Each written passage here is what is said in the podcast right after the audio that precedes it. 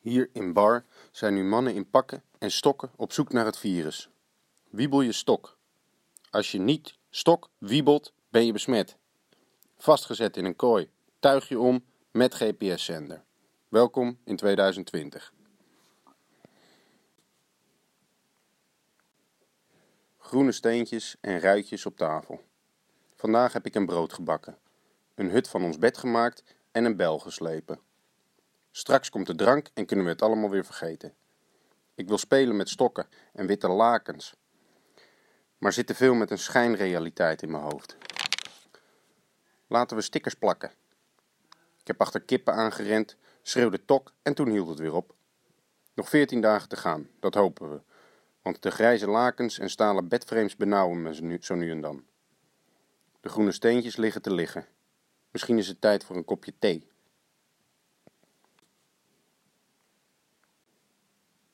Het plan om een olifant te maken ligt even stil. We hebben wel veel yogamatjes. Ik denk dat ik een bank in de kamer ga zetten, al hoef ik het van de sfeerverlichting niet te hebben.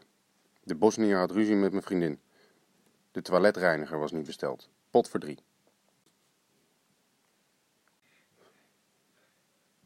Vandaag kunnen we naar buiten.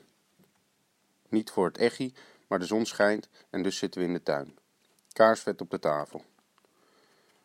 Ik dacht dat ik een tokkerman was, maar Robert de Nero tegenover mij doet dat misschien nog wel beter. De witte vellen papier zijn op. Het einde van de wereld is nabij. Misschien wel een pandemie. De witte vellen pandemie. Dan gooien we met z'n allen over de hele wereld een klein wit velletje in de lucht en schreeuwen leeg is leeg. Leeg is leeg, vol is vol.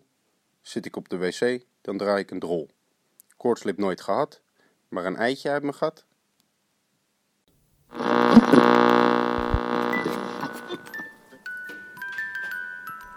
Dankjewel voor het luisteren naar de dichterijtjes van kunstenaar Tobias Asser.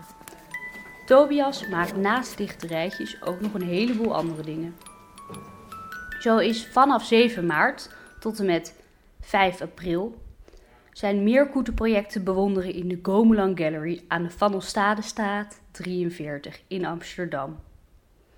Hopelijk tot dan.